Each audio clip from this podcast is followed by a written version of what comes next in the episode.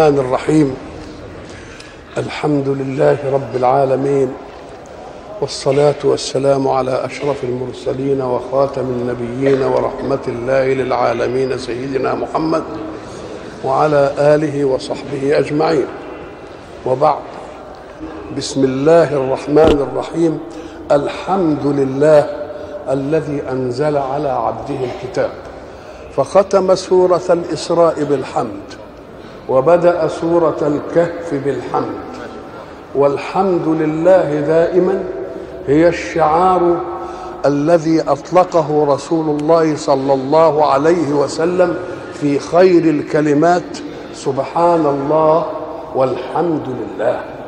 سبحان الله بدأت بها الإسراء والحمد لله بدأت بها سورة الكهف.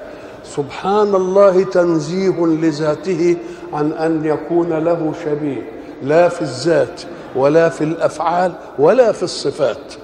والحمد لله فذلك تكبرة للذات. وبعد ذلك جاء العطاء من الذات فقالنا الحمد لله. فسبحان الله تنزيه والحمد لله شكر على العطاء.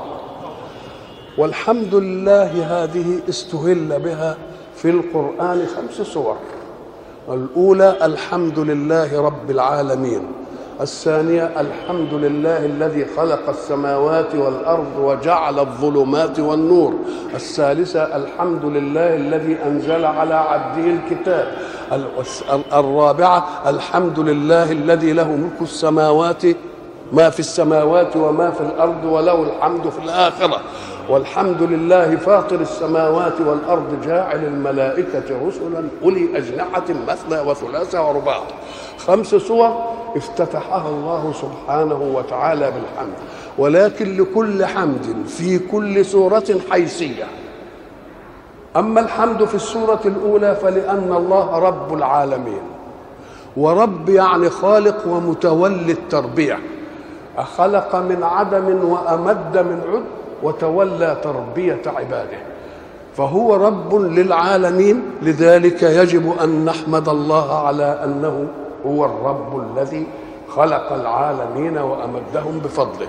وبعد ذلك نعمة أخرى يحمد عليها الحمد لله الذي خلق السماوات والأرض وجعل الظلمات والنور.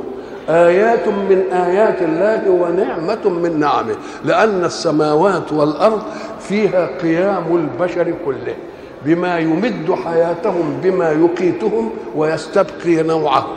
وخلق والظلمات والنور نعمة وفيها تقابل علشان ما نفهمش أن الأشياء المتقابلة متضادة ولكنها متكاملة.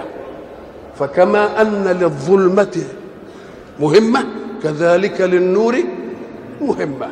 النور فيه الحركة وفيه السعي والظلمة فيه فيها السكون والراحة ولا يمكن لساع أن يجد في عمل إلا إذا ارتاح وسكن. إذا ففيها تقابل والتقابل يفسره بعض الناس على أنه تضاد ولكنه لا تضاد فيه بل هو تقابل التكامل. عالم بظلمة لا ينفع عالم بنور وحده لا ينفع. إذا فلا بد من اجتماع الظلمة والنور. وبعد ذلك يقول الحق ذلك هي الأمور المادية. أربيتكم بس تربية مادية في رب العالمين؟ لا أنا ربيتكم تربية مستوعبة. هذه التربية شملت أبدانكم مادية وشملت قيمكم. فإذا لا بد أن يوجد شيء. وخلق الظلمات والنور برضو أيضا للماديات ولكنه جاء في هذه السوره ليذكر الحيثية الحقيقية. لخلق الإنسان فهو خلقه لا لمادته فقط ولكن لرسالة مهمة أن يعرف القيم وأن يعرف الرب وأن يعمل لحياة أخرى غير هذه الحياة المادية. فقال الحمد لله الذي أنزل على عبده الكتاب والكتاب هو الذي يجمع كل القيم. اذا فذلك الحمد حيثيته هنا أنه أنزل أنزل الكتاب. وقلنا سابقا ان الحق سبحانه وتعالى برحمانيته قبل أن يخلق الخلق. وضع لهم نماذج النماذج التي تصلح هذه الحياة في حركتها. وقلنا أعوذ بالله من الشيطان الرجيم. بسم الله الرحمن الرحيم. الرحمن علم القرآن خلق الإنسان علمه البيان. بقى علم القرآن جاءت قبل الخلق. إذا وضع المنهج للإنسان قبل أن يخلق الإنسان. هذا الوضع للمنهج ولذلك نحن نعامل أنفسنا على هذا. الذي يخترع أي آلة قبل أن يخترعها يعلم مهمتها ويحدد مهمتها ويحدد قانون صيانتها. فالحق يقول قبل أن أخلقك علمت الكتاب. اذا فالكتاب هو المهمه الأساسية الذي يجب أن تكون موطنا نفسك على أنها هي. الحمد لله الذي أنزل على عبده الكتاب. اذا إنزال الكتاب على عبده محمد صلى الله عليه وسلم هي حيثية هذا الحمد. طيب ما هو الحمد؟ الحمد يأتي لفظ تشاركه ألفاظ متعددة في المعنى في عموم المعنى. فالحمد ثناء شكر مدح إلا أن هذه الألفاظ وإن تقاربت في المعنى العام لكل لفظ منها معنى وكلها فيها ثناء. إلا أن الشكر يترتب من من يترتب من منعم عليه بنعمة خاصة به.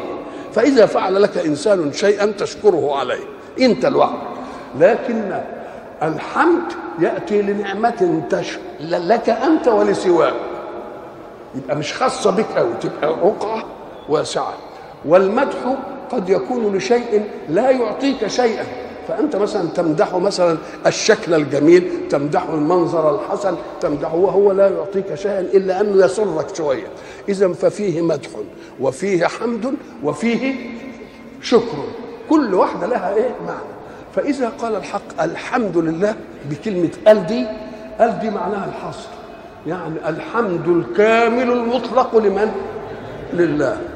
والحمد المستوعب لكل شيء. حتى إن حمدت أنت إنسانا قدم إليك جميلا فسلسلة الحمد تعود لله. لأنه قدم لك جميل. الجميل ده من أين أتى به؟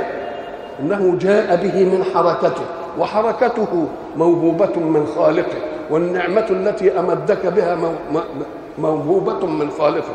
إذا فإن سلسلت سلسلت الحمد لأي إنسان في الدنيا فإن هذا الحمد سيصل إلى من؟ إلى الحق سبحانه وتعالى. والحمد لله هذه هي الصيغة التي علمنا الله أن نحمده بها. وإلا فلو لم يعلمنا الله هذه الصيغة وأردنا أن نحمد الله ونشكره ونثني عليه على ما قدم لنا من نعم اختلف خلقه في ذلك الحمد اختلافا حسب قدرتهم على الأداء وحسب قدرتهم على استيعاب النعم. يستوعب النعم ودي ما تحصاش. طيب وبعد ذلك يبقى عنده القدرة الأدائية عشان يحمد ربنا. طب والعيي والأمي والذي لم يتعلم ماذا يصنع؟ فتحمل الله عنا جميعا الصيغة. وقال احمدوني بهذه الصيغة. فتساوينا جميعا في كلمة الحمد لله. العيي والبليغ والأديب والشاعر وكل حاجة. إذا الحمد لله حين علمنا الله ولذلك يقول رسول الله سبحانك لا نحصي ثناء عليك. إن كنا عايزين نسلم ما نقدرش. أنت كما أثنيت على نفسك. أنت اللي قلت لنا كده أحمد. قول الحمد لله. إذا فقد تحمل الله عنا صيغة الحمد ليستوي خلق الله في حمد الله. والعيي زي البليغ زي كله زي بعض. اذا فتعليمنا صيغة الحمد نعمة كبرى تستحق الحمد. فيبقى نقول الحمد لله على ما علمنا من الحمد لله. طيب والحمد اللي أولاني اللي أنت قلته دي طب ما هو برضه نعمة. تقول والحمد لله على ما علمنا من الحمد لله بالحمد لله. اذا سلسل المسألة ثم تلتقي الحمد لا نهاية له. حمد على حمد على حمد على حمد على حمد إذا فسيظل الله محمودا. ويظل العبد حامدا. فيستديم العبد الحمد لله لأنها مسلسلة لا نهاية لا نهاية لها الحمد لله الذي أنزل على عبده الكتاب كلمة عبده برضه هنا جاية زي ما جت في سورة الإسراء. سبحان الذي أسرى بعبده. إذا حيثية الإسراء هنا تكريم العبودية الصادقة من محمد لربه. فلما بقى عبد حق رفعه إلى إيه؟ إلى حضرته. وهنا يبقى إذا رفعه إلى حضرته لأنه كان عبدا بحق. طب ولما رفعه إلى حضرته لأنه عبد بحق يبقى كان لازم أنزل الكتاب قبل كده. أمال هيبقى عبد بحق إزاي؟ لازم يبقى بمنهج. فكأنه أنزل عليه الكتاب اولا. خلاص؟ فالتفت لربه. لفتة أراد أن يلفت بها سواه. فأخلص هو في العبودية وتحمل ما تحمل. فكان من جزائه أن يرتفع إلى مقام الحضرة. فعرج به. فلما عرج به أعطاه الله الصلاة لينزل بها إلى خلقه ليرفع خلقه بالصلاة إلى المقام الذي سعى إليه بالمعراج. إذا فالنبي تناول ليناول وتناول لأنه أخلص العبودية.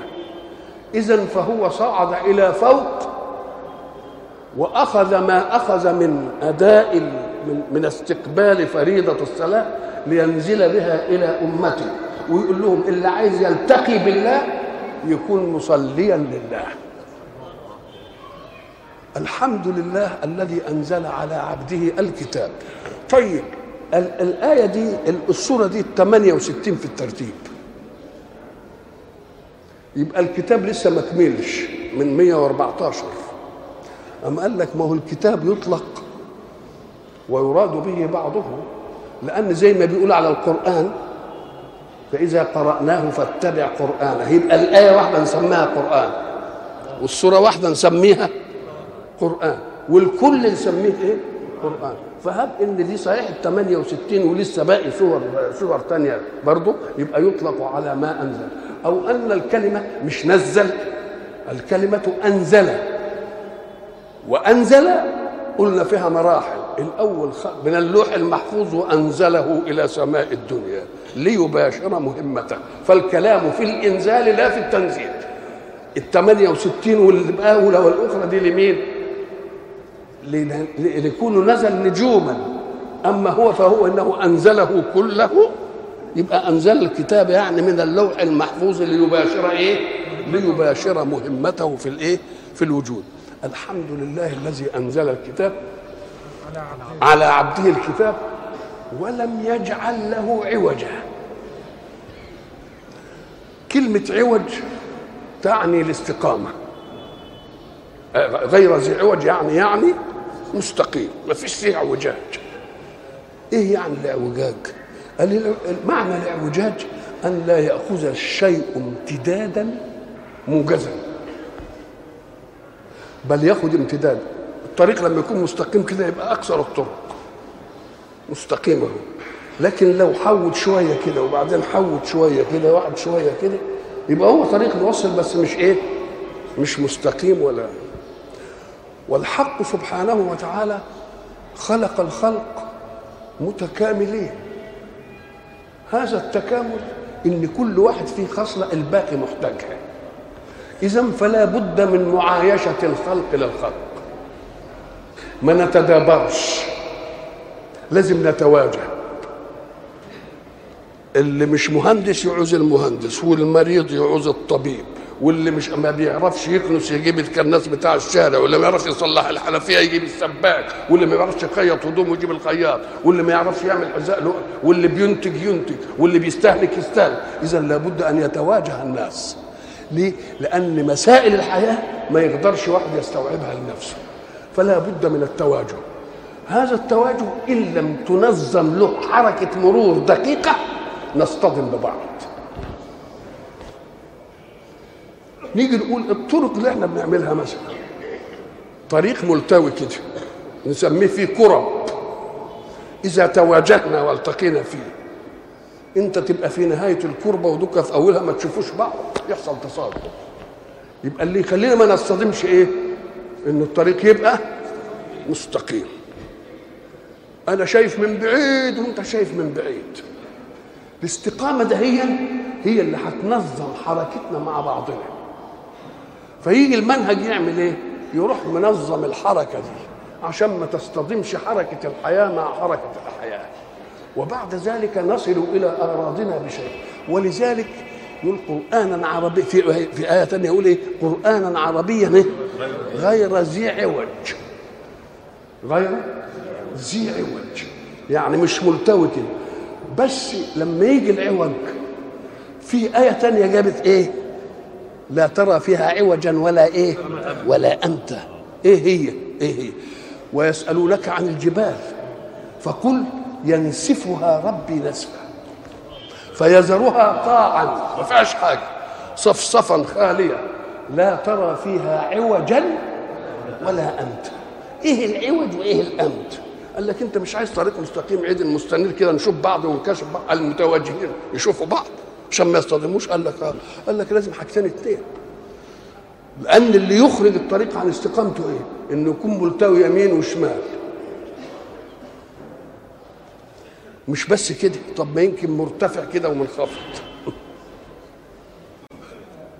مرتفع تبقى انت لما انت تكون جاي كده وعند قمة الارتفاع وهو جاي من الناحية الثانية عند الارتفاع تروح قابلين بعض ولذلك يجي المرور ده يقول لك عقبة منحنى خطر. يعني خد بالك من الحكاية دي. الله. اذا العوج علشان الحكاية بتاعت يمين وشمال دي. والأمت عشان الارتفاع والايه والانخفاض. يطلع الطريق إيه؟ طريق مستقيم تمام وتستطيع والحركة ما تتضاربش إيه؟ ما تتضاربش فيه. وبعد ذلك قال عوجا هو ما فيش فيه عوج. قيم. قيم بعض العلماء بعضهم قال قيم يعني برضه مستقيم. قال لا. طيب ما دام قيم مستقيم قال لك يعني تأكيد. لغير ذي عوج. أم قال لك أيوه. طب ليه كده؟ أم قال لك لأن الاستقامة والعوج قد تدرك بالعين المجردة.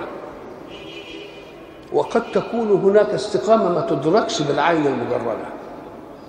عايزة ميزان اللي بيسموه ميزان المية ولذلك تيجي الطريق مرصوف. يبقى عال ومستقيم ومستوي. وتشوفه انت بالعين المجردة كده. وبعدين تيجي شوية مطرة. تروح فاضها المهندس والمقاول ومش عارف إيه وتروح عاملة هنا بركه وهنا. آه تبقى ما بقاش إيه ما بقاش فيه, فيه امت في عال وفيه إيه في واطي. فأكد غير ذي عوج بقوله إيه قيم يعني مستقيم. أو قيم يعني مهيمن زي ما نقول فلان قيم على فلان. قيم على حركة الحياة. يبقى هو في ذاته لا عوج فيه وهو الإيه وهو مهيمن على إنا أنزلنا إليك الكتاب بالحق. مش كده؟ مصدقا لما بين يديه إيه؟ من الكتاب ومهيمنا عليه. مهيمن عليه يبقى هو ده القيم على حركة الحياة وعلى ما سبقه من الكتب والنهاية هنا هي يبقى ده اسمه إيه؟ قيم بمعنى آخر. يبقى قيم تيجي بمعنيين يا مستقيم يا إيه؟ يا له الايه الوصايه على الايه على الكل. فأقم وجهك للدين القيم اللي على الأديان كلها. وبرضه سيدنا يوسف لما جه لصاحبي السجن قال لهم إيه؟ يا صاحبي السجن أأرباب متفرقون خير أم الله الواحد القهار؟ ما تعبدون من دونه إلا أسماء سميتموها أنتم وآباؤكم ما أنزل الله به من سلطان. إن الحكم إلا لله. ذلك الدين القيم. ذلك الدين الإيه؟ القيم. يبقى معنى القيم يعني مستقيم وتبقى تأكيد لغير ذي عوج. يا قيم يعني قيم على إيه؟ على غيره. الحمد لله الذي أنزل على عبده الكتاب ولم يجعل له عوجا. قيما. إيه العلة في الإنزال؟ أي لينذر بأسا شديدا. طب المنذر يقتضي منذرا. هتنذر مين؟ لينذر بأسا شديدا أهدي بقى الملكة العربية تقول لا ينذر بالبأس الشديد والعذاب إلا من الكافر. واللي يبشر المؤمن. يبقى إذا القرآن بإيه بيسيب للملكة مجال. مش يجيب لك كل حاجة كده على طرف السمام عشان الإنسان يستقبل القرآن بتفتح فكري. تفتح الفكري هو بقى يوضب الإيه لينذر بأسا شديدا من لدن من المنذر؟ أنت اللي هتقول. يبقى كأنه قال لينذر الإيه؟ الكافرين بأسا بأسا شديدا أي عذابا شديدا. وبعد ذلك ضخم العذاب وقال اسمع العذاب مش منكم البعض كل واحد بقوته. ده العذاب من عندي والمعذب يختلف العذاب باختلاف قدرته. وما دام العذاب من لدن الله يبقى بقدرة الله. يبقى لا طاقة لنا بهذا الايه؟ يبقى لا طاقة لنا بهذا العذاب. لينذر بأسا شديدا من لدنه وقال هنا ويبشر المؤمنين. ما قالش ويبشر بس كده أن لهم أجرا زي ما قال وينذر. زي ما شوف بس حتى برضه الرحمة الرحمة جاية في الأسلوب. ويبشر المؤمنين الذين يعملون الصالحات أن لهم أجرا كبيرا. أن لهم أجرا حسنا ماكثين فيه أبدا. كان ولا بد أن تأتي ماكثين. ليه؟ لأن الناس ألفوا الأجر. جعل على عمل. وينتهي الجعل على قد العمل وخلاص وتنتهي. يعني اشتغل النهارده ياخد أجرة النهارده. خلاص؟ قام قال لك لا الأجر اللي هناك مش زي حتى المعاش اللي بيعملوه لنا. قال لك ده أجر حسن. أجر حسن. وما كسينا فيه أبدا. قال لك لأن أجر الدنيا يصح ينقطع منك. يصح ما يجيش اللي بيقدر أجر ما يقدروش على أجر عملك لأنه مش منصف. لكن الله عادل وعلم ومنصف ومتفضل. يبقى هيديك أجر حسن. ويزوده إيه؟ بأنه دائم غير منقطع. دائم غير إيه؟ غير منقطع. ليه؟ لأن مهما أخذت من أجور تعطي لك نعيما في الدنيا فهي إما أن تفوتك وتقعد من وإما أن تفوتها فتموت. قال لك لا أهدي لا تفوتك ولا إيه؟ ولا يفوت ماكثين فيه أبدا. طب قال وينذر الذين قالوا اتخذ الله ولدا. طب ما هو قال لينذر الأولانية. أم قال لك لا ده أكد الإنذار هنا لقمة المعاصي. إيه قمة المعاصي؟ الذين قالوا اتخذ الله إيه؟ ولدا. يبقى أكن الإنذار الأول لمطلق كفران ومعصية والإنذار الثاني جاي ليه؟ طب ما هم داخلين في الأول. أم قال لك يعيدهم إعادة الخاص مع العام. أكن دول لهم حاجة إيه؟ لهم حاجة لوحدهم. وينذر الذين قالوا اتخذ الله إيه؟ ولذلك يقول هناك إيه؟ لما قالوا اتخذ الله ولا لقد جئت جئتم شيئا ادا تكاد السماوات إيه؟ تتفطرن وتخر وإيه؟ وت... إيه وتنشق. وتخر الجبال ان دعوا لله ولدا. وما ينبغي للرحمن أن يتخذ إيه؟ وما ينبغي للرحمن أن يتخذ ولدا. عملية صعبة يعني. وينذر الذين قالوا اتخذ الله ولدا. القضية اللي قالوها دي أخذوها ممن؟ من أين جاءت؟ قال لك لا علم لهم فيها لا ذاتي ولا علم موروث. لأن العلم يا ذات أنت شفته يا ورثته عن حد. أنت لا علم لك ذاتي ولا ورثته عن آبائك وأجدادك. يبقى أمر لا واقع له. وما دام أمر لا واقع أقول لك هو فيه قالوا ما ليس لهم هو في حاجة يبقى لها علم يعلموها؟ قال لك لا لأن عدم العلم ينشأ من أمرين. إما لأن الشيء موجود وأنت لم تعلم به لأنه مستور عليك وإما إن الشيء ملوش وجود فأنت لا تعلم غير موجود. يبقى ما لهم به من علم لا ذاتي ولا ورثينه عن ابهاته عن الأول طيب اذا هو في علم يمكن يعني يعرفوه؟ أم قال لك لا ينفى العلم إما لأنه موجود وأنت لم تعلم وإما لأنه اصله مش موجود وما غير الموجود لا يمكن أن يتعلق به أن يتعلق به علم. ما لهم به من علم ولا لآبائهم. شوف بقى كبرت كلمة تخرج من أفواههم. كبرت يعني عظمت. دي مسألة فظيعة أوي. إنها تخرج الكلمة دي من إيه؟ من بقهم. كبرت كلمة وما هي الكلمة؟ طب الكلمة بنعرفها أنها قول مفرد ملوش نسبة. زي اسم بس لوحده فعل لوحده حرف لوحده تبقى دي كلمة. أم قال لك لا ده تطلق الكلمة ويراد بها الكلام. لأن الكلمة هنا الإيه؟ قالوا اتخذ الإيه؟ الله ولدا. مش كلمة بقى دي جملة. طب ما أنت بتقولها دلوقتي وبعد ذلك ألقى فلان كلمة في المجتمع.